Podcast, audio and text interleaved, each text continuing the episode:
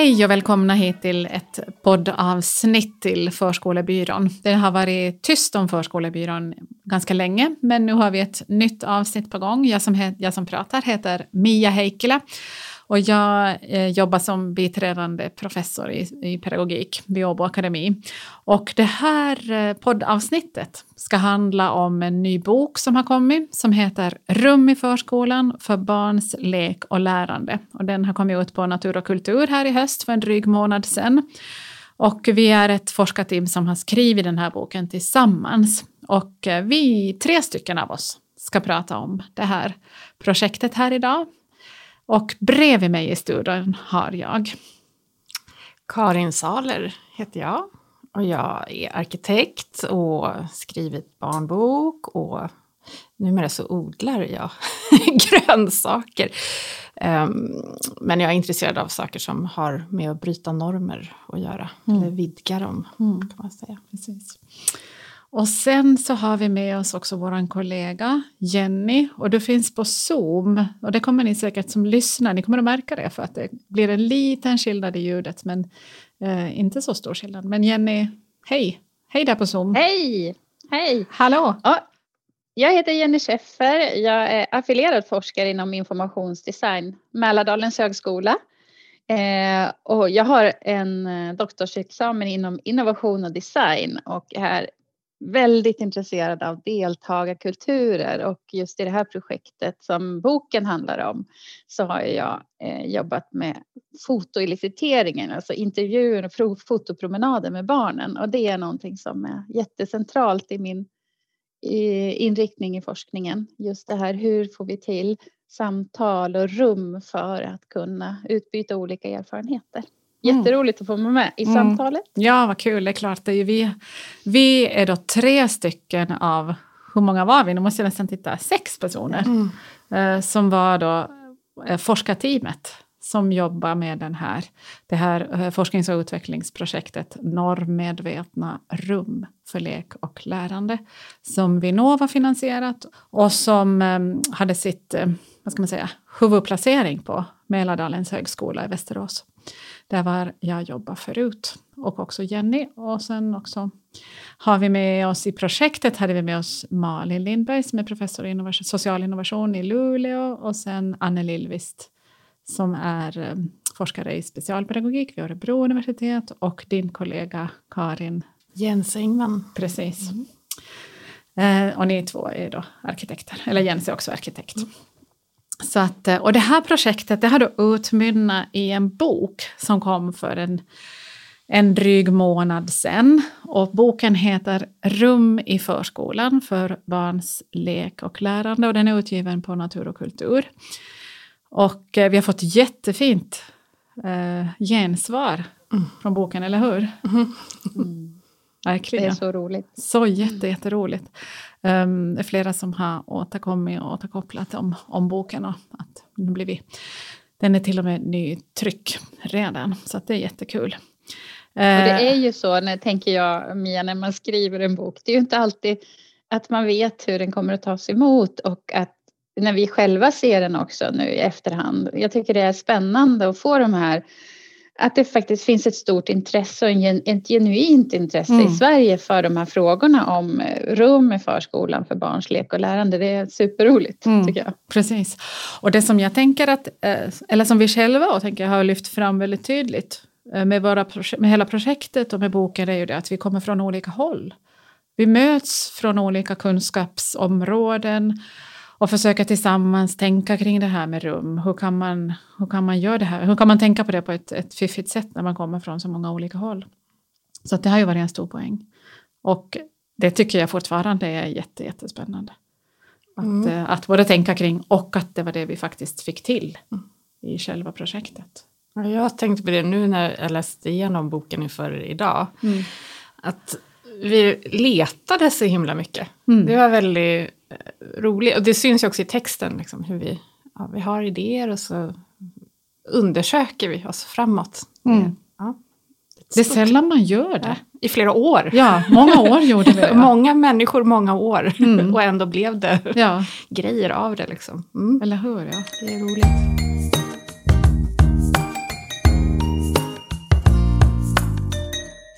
Eh, här idag, så, eller i boken och eh, projektet, så utmynnar bland annat i tolv ganska konkreta, eller väldigt konkreta råd eh, om hur man kan tänka kring rum i förskolan. Och ehm, ehm, i själva projektet så blev det ju först ett häfte med de här råden och nu har vi integrerat dem, alla råden, i boken. Och ehm, vi har gett oss själva uppdraget, oavsett varandra här idag, att man ska välja ut två stycken favoritråd. Och det betyder ju att vi bara fångar upp sex stycken råd här idag. Det betyder inte att de där andra är oviktiga, eh, men jag tänker då lite grann som när jag tittar på de här råden, att, jag vet inte om ni håller med, men att en del så har ju liksom vuxit fram, alltså att de har tagit plats i ens eget tänkande. Andra har lite dragit sig undan. En del börjar man tänka att ah, de kanske egentligen är olika sidor av samma råd. Eh, och lite så. Håller ni med eller tänker ni Ja. annorlunda? Absolut. Ja. Vad säger du Jenny? Jo, men ett råd som, som på något sätt i den här processen med boken och även när vi tittar i den, eh, eller när jag tittar på boken efteråt så är det det här rådet låt rum och föremål göras meningsfulla av barnen och personalen. Eh, och där tänker jag att när vi vill få syn på normer så blir det ett arbete att, liksom, att förstå vad är det för relationer, vad är det för mening som vi i alla rum egentligen lägger eh, i föremål, objekt och rum och väggar. Ehm, och jag tänker att där är det ju så att föremålen inte är någonting i sig själv, särskilt i det här projektet när vi tittar på rum för barns lek och lärande, utan det är i relationen som de uppstår. Mm, och att det är viktigt att hitta metoder för att se hur kan vi få tag på det här att förstå barns och personals relationer till rummen, även fast förskolan är färdigbyggd. Eh, För det är ju det vi har jobbat med, alltså med en helt färdigbyggd förskola som vi har förändrat. Mm. Mm. Um, Jag tänker att det där går ju också in i när du pratar om normer, för vi har ju haft ett, ett normkritiskt perspektiv och försökt jobba och konkretisera det. Att vad kan det vara när det gäller rum? Och försökt Mm. fånga det. Det var ju det ganska mycket som vi letade efter tycker jag i början där i projektet och som vi har skrivit fram i boken. Men det som jag och har valt som ett av mina råd som jag lyfter fram så krokar i det och det är råd 10 att um, vara uppmärksamma när ni skapar en lägenhet eller ordnar utklädningskläder. För det har ju också med det här att göra att försöka förstå hur används rummet? Och vem använder rummet och hur ser, hur ser användningen ut? Och där har vi ju konkretiserat det genom just den här eh, lägenheten inom citationstecken som brukar finnas i alla, i alla förskolor eh, någon form av köksmöbel, kanske en docksäng, kanske en, eh, eh, ja, vad vet jag, nära till hands utklädningskläder. För där såg ju vi att det var ett sånt ställe som riskerar att, att skapa, återskapa jättemycket stereotypa normer kring, inte minst familjen, den heterosexuella familjen som norm, och med kvinnor som mäns ganska stereotypa roller när det är de där utklädningskläderna kombinerat med den där, den där köksmöbeln och den där lägenhetsidén. Där blev ju min, min, jag ska säga det hang-up, men min, jag tänker jättemycket på den där köksmöbeln som, så, som är som så otroligt vanlig. Och där skriver vi om i boken vad, vad problemet kan vara och vad det kan vara klokt att fundera på med den där möbeln och de där utklädningskläderna. Att där såg vi att det skapades. Så när vi tog bort det där, eller när vi tog ju inte bort det, utan det var ju förskolorna själva som initierade att ta bort det efter att vi hade gjort den här ombyggnationen. Då hände det ju någonting med leken. Den blev ju mer öppen och den blev mer inkluderande. Så det var spännande. Mm. Men det jag tycker är spännande i resultatet från intervjuerna med barnen är ju precis kring det här köket som, som där vi fick väldigt, jag gjorde ju eh, fotopromenader med eh, barnen i, där vi använde fotot där de fick fotografera sina miljöer, platser som de tyckte om att leka på, platser som de inte tyckte om att leka på eller vara på bland annat som vi hade som frågor då. Och köket tog ju i första omgången innan ombyggnationen så var det ju också en berättelse om just den delen där här tycker inte jag om att leka, det är för tjejer. Och efter ombyggnationen så fick vi en helt, ett helt nytt resultat och det var nya barn, det måste man ta in i beräkningen delvis. Men där var det ju så att i, det blev en kreativ diskussion med ett av barnen eh, som sa, för köket var då, hade då fått en liten krok. Vi gjorde ju filtar och så skulle man kunna sätta de här filtarna på olika krokar. Och då fanns det en sån som satt fast på ett kök och då blev det liksom, det var roligt att leka med men det blev också ett incitament. Kanske skulle man kunna såga av köket så att det skulle komma lite längre ner för att funka bättre med filten. Så den fick en helt ny roll. Det var liksom inte en köksmöbel och det var lite det du pratade om i att okej, okay, det finns kanske andra attribut runt omkring, andra föremål runt omkring. Men själva köket fick också en helt ny mening i eh, efter ombyggnationen, efter de tillägg och förändringar som gjordes i rummen. Det tycker jag är ett ganska intressant resultat från projektet på något sätt. Att det blev en agens att vi kan förändra det här som vi först trodde var ett kök är egentligen en byggdel av någonting annat som vi bygger tillsammans. Karin, vill du säga någonting, vilka, vilket råd du har ja, valt ut? Ja, jag tänkte för mitt, eh, ett av mina råd hakar såklart i det här. Självfallet, jätte. Som är den där möblera om ofta och testa olika sätt att forma rummen. Det är ju eh, just det där liksom att att göra det så att, eh, att normer kan brytas och man får testa och flytta om de, liksom, de gränserna som upprätthåller dem. Jag, jag är väldigt eh, intresserad av hur, hur man kan få människor att, att våga ja, ifrågasätta vad det är man har framför sig. Just det, men är, är det här ett kök eller är det en krokupphängningsställning? Eh, liksom? Mm. eller för att hänga upp ett tyg för att göra en koja för. Och sen kan det vara ett kök också emellanåt. Liksom, att, att allting kan få vara flera saker och att just tycker jag var så fint i det här projektet att barnen verkligen fick liksom, ja, fick saker att kunna flytta på superkonkret. Mm. Det var också var lite det där att i början så var ju vi, innan projektet satte igång, när vi tänkte ut det så var vi inne på att vi skulle flytta väggar. Liksom. Men i sökandet och mycket i lyssnandet på barnen så kom det ju fram att ja, men det kanske inte är väggarna som är det som är det mest intressanta för barnen om de ska liksom kunna vidga sina, sin värld. Utan då är det ju ja, det som är hanterligt för dem, mm. mobilt. Liksom. Då kom de här knoppar och filtar och hyllor och hål och sånt. Mm. Mm. Jenny, vad har du valt för något eh, till? Vill du haka i eller?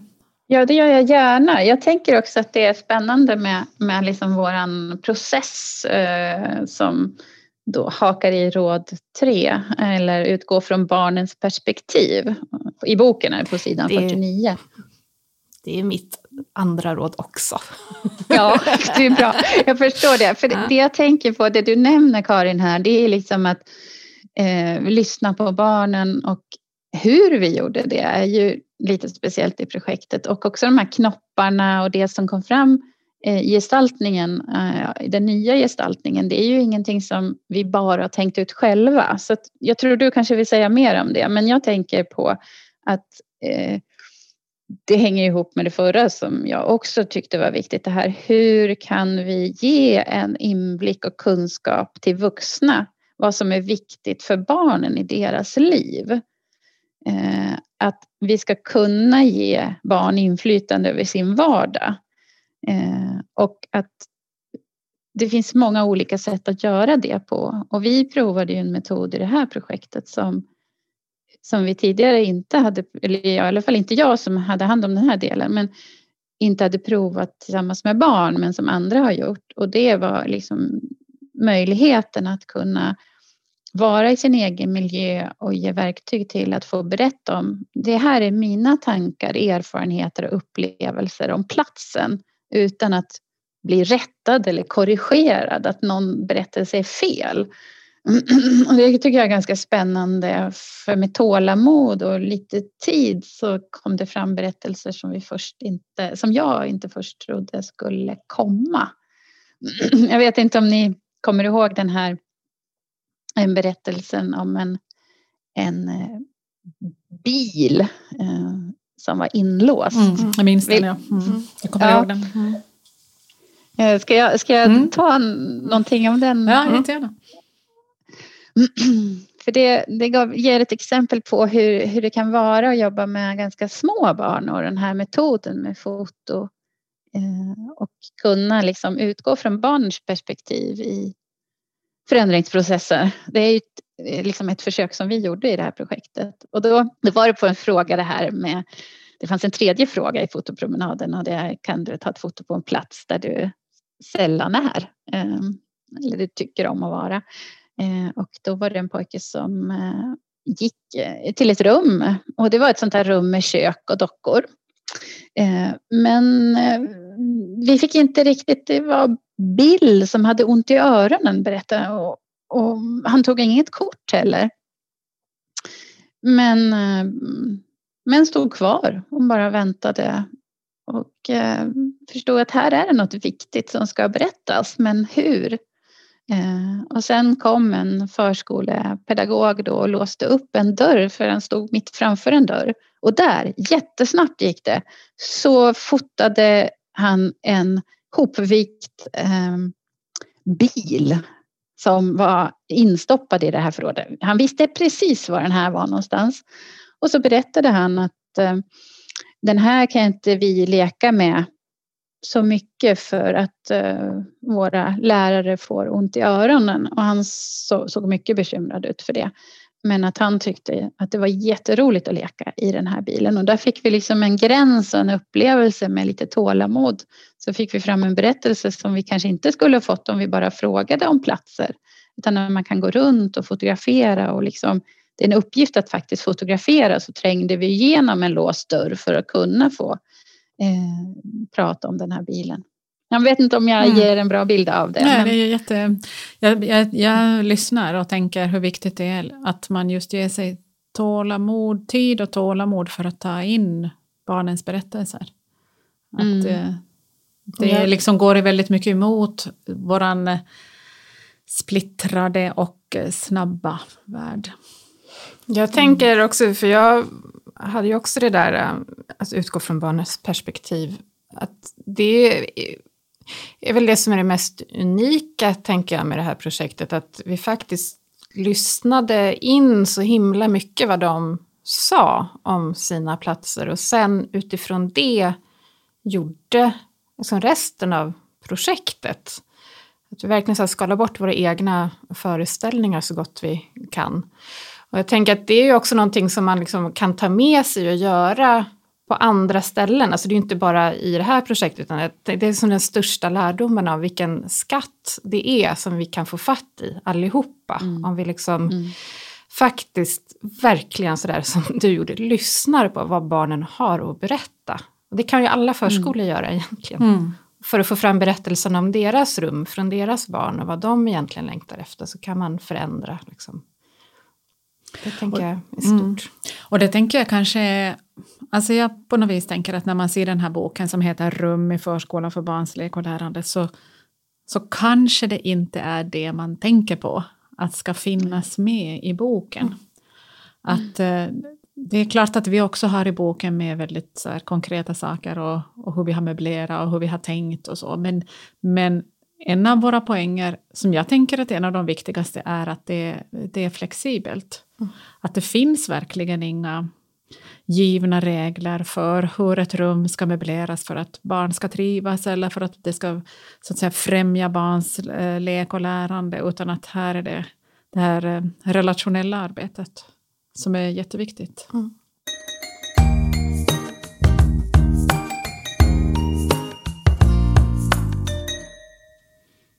Visst var det så Karin att du också hade någonting när du tänkte på råd 5? Jag tyckte vi pratade om det här innan vi började.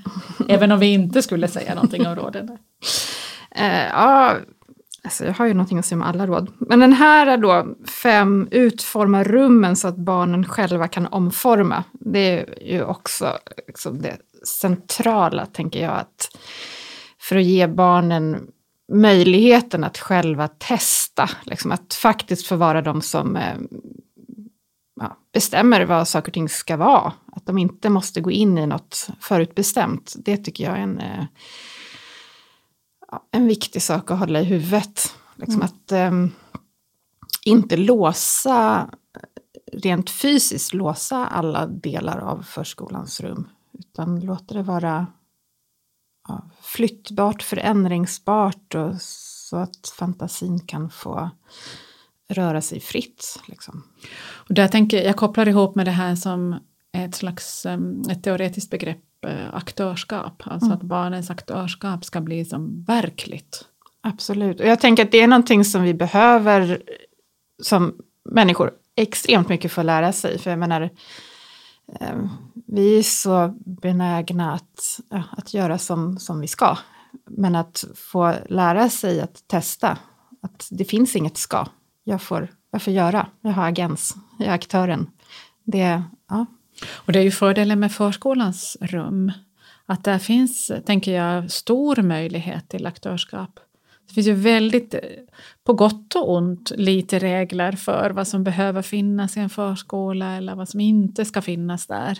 Att där kan man verkligen kanske skapa dem på riktigt. Har du någon tanke Jenny om, om det? Ja, jag tänker på råd 5. Där har vi också, vi skriver liksom att rummen ger många lekmöjligheter men också ger ledtrådar till barnen för vilka slags handlingar som kan ske i rummet. Det här affordance. Vad skulle du säga Karin utifrån ditt perspektiv som också har liksom varit eh, formgivare i det här projektet? Finns, kan du ge något exempel på ledtrådar i de här eh, möblerna och hålen i sig själva som vi har byggt mellan väggarna. Ja, eller men hålen är ju, de är ju uppenbara, klättra igenom här. Och sen den där lek, eh, utklädningsvagnen är ju också att den har hjul så att det går att flytta. Så att eh, man kan byta skepnad på alla ställen som vagnen går att flytta till. Liksom. Och hyllorna som man kan vrida och vända på, man kan stå på dem och man kan krypa in i dem och man kan tillsammans med filtarna göra kojor med dem eller de, någon hade den som en grill. Alltså de är...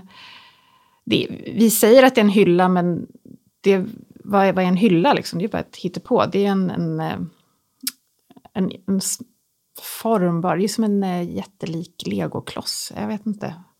Det, det mm. bara är ett, ett objekt med många möjligheter. Mm. Jag tänker det är en viktig det är därför vi gjorde den så flyttbar, så inga hjul, inte låst, inte för tung för att puttas runt, utan de är ju gjorda för att vridas och vändas och användas.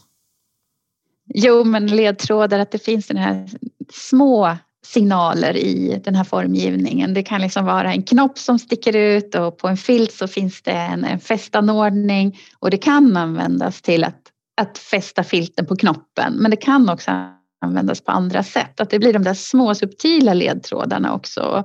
Eh, lådorna som ju har möjlighet att man kan glida så att det finns en filt som det gör att det går att glida dem.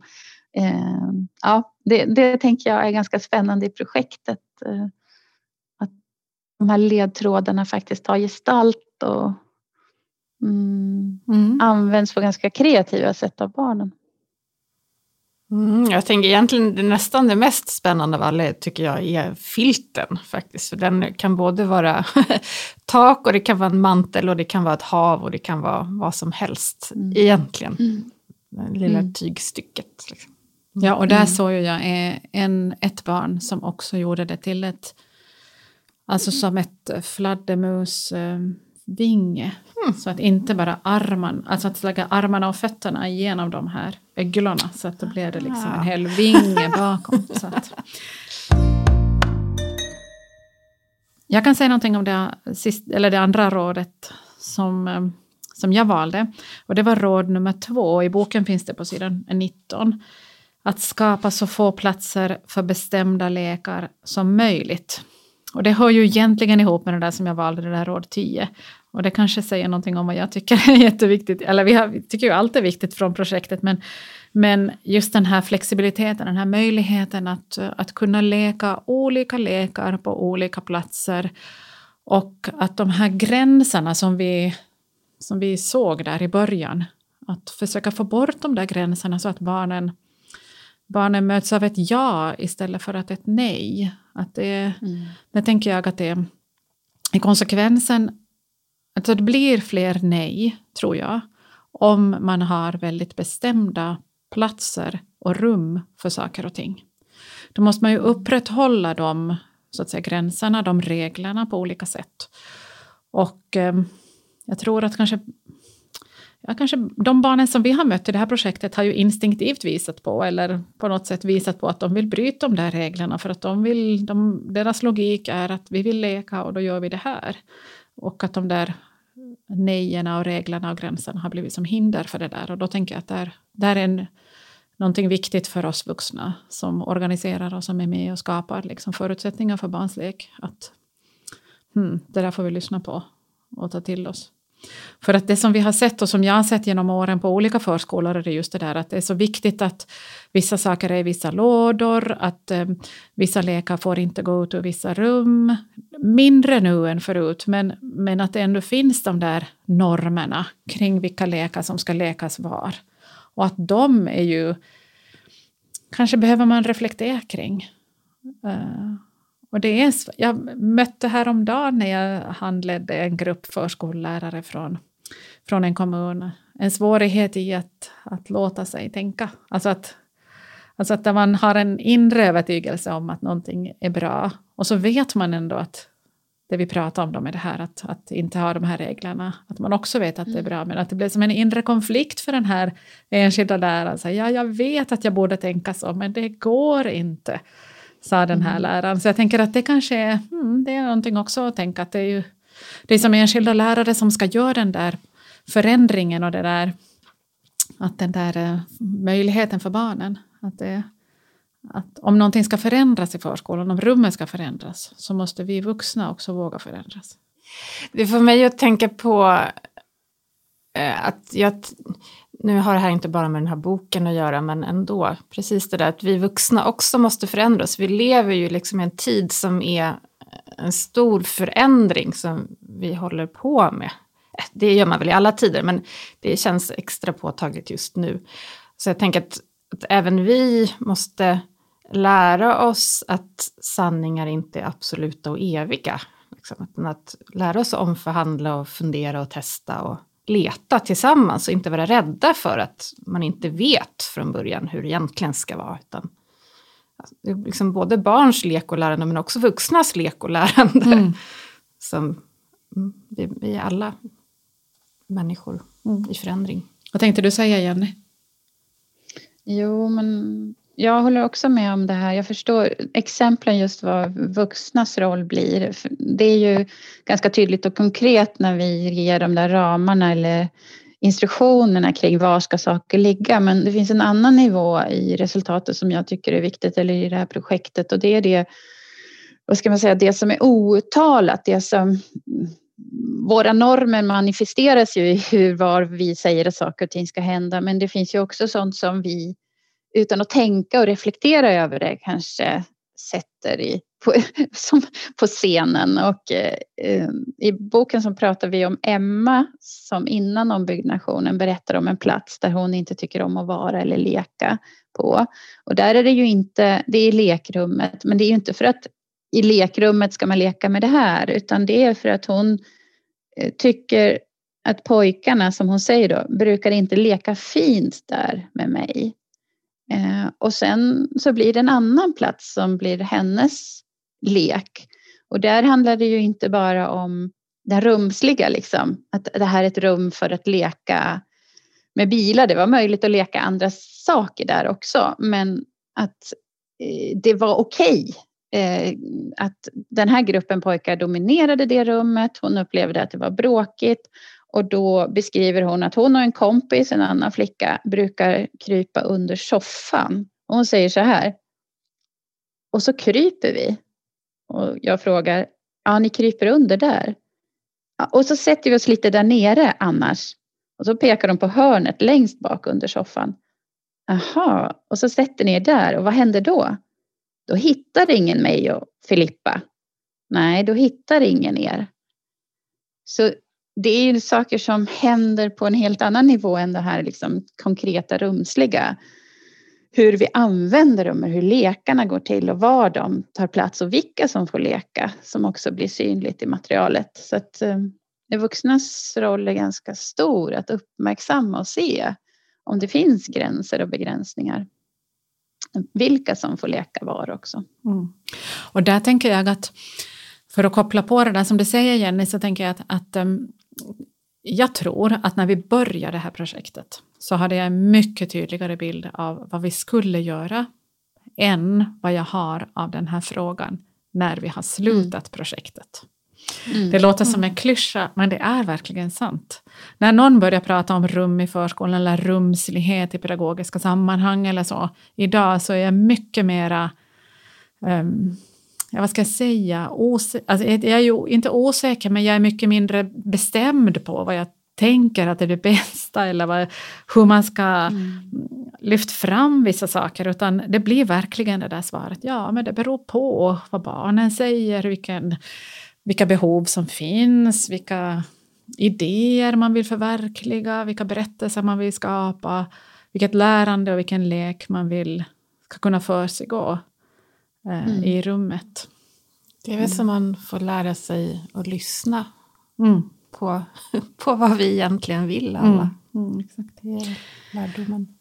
Hörni, um, ska vi avrunda samtalet och um, um, Ehm, påminna om att den här boken, den gröna fina boken, finns. Rum i förskolan. Jag tror vi alla bär, håller i den här boken just nu med ganska stor stolthet för barns lek och lärande som kom ut på Natur och kultur här i november. Ehm, och ehm, vi som har skrivit den här boken så hoppas att den ska komma, fylla ett behov och att den ska skapa inspiration och kreativitet. Stämmer det överens med era förhoppningar om vad boken ska användas till, Jenny och Karin? Verkligen. vad tänker du Jenny? Ja, jag, jag, tänker så här att det, här finns det mycket konkreta redskap och möjlighet att utveckla. Att liksom den här inspirationen. Det är fullt möjligt att genomföra många av de här delarna själv på till exempel en förskola. Och eh, ja, men det hoppas jag att den ska inspirera till. Men också att inte vara rädd för att använda, om det går att hitta projekten möjlighet att använda arkitektkompetensen på sådana här sätt. Att det inte behöver vara en process där inte barnen är med utan att de kan inkluderas. Så jag hoppas verkligen att det kan inspirera på flera olika sätt, den här boken. Mm, med de orden så säger vi tusen tack för att ni har lyssnat och eh, vi hörs kanske i något annat sammanhang. Hej då! Hej då! Hej då!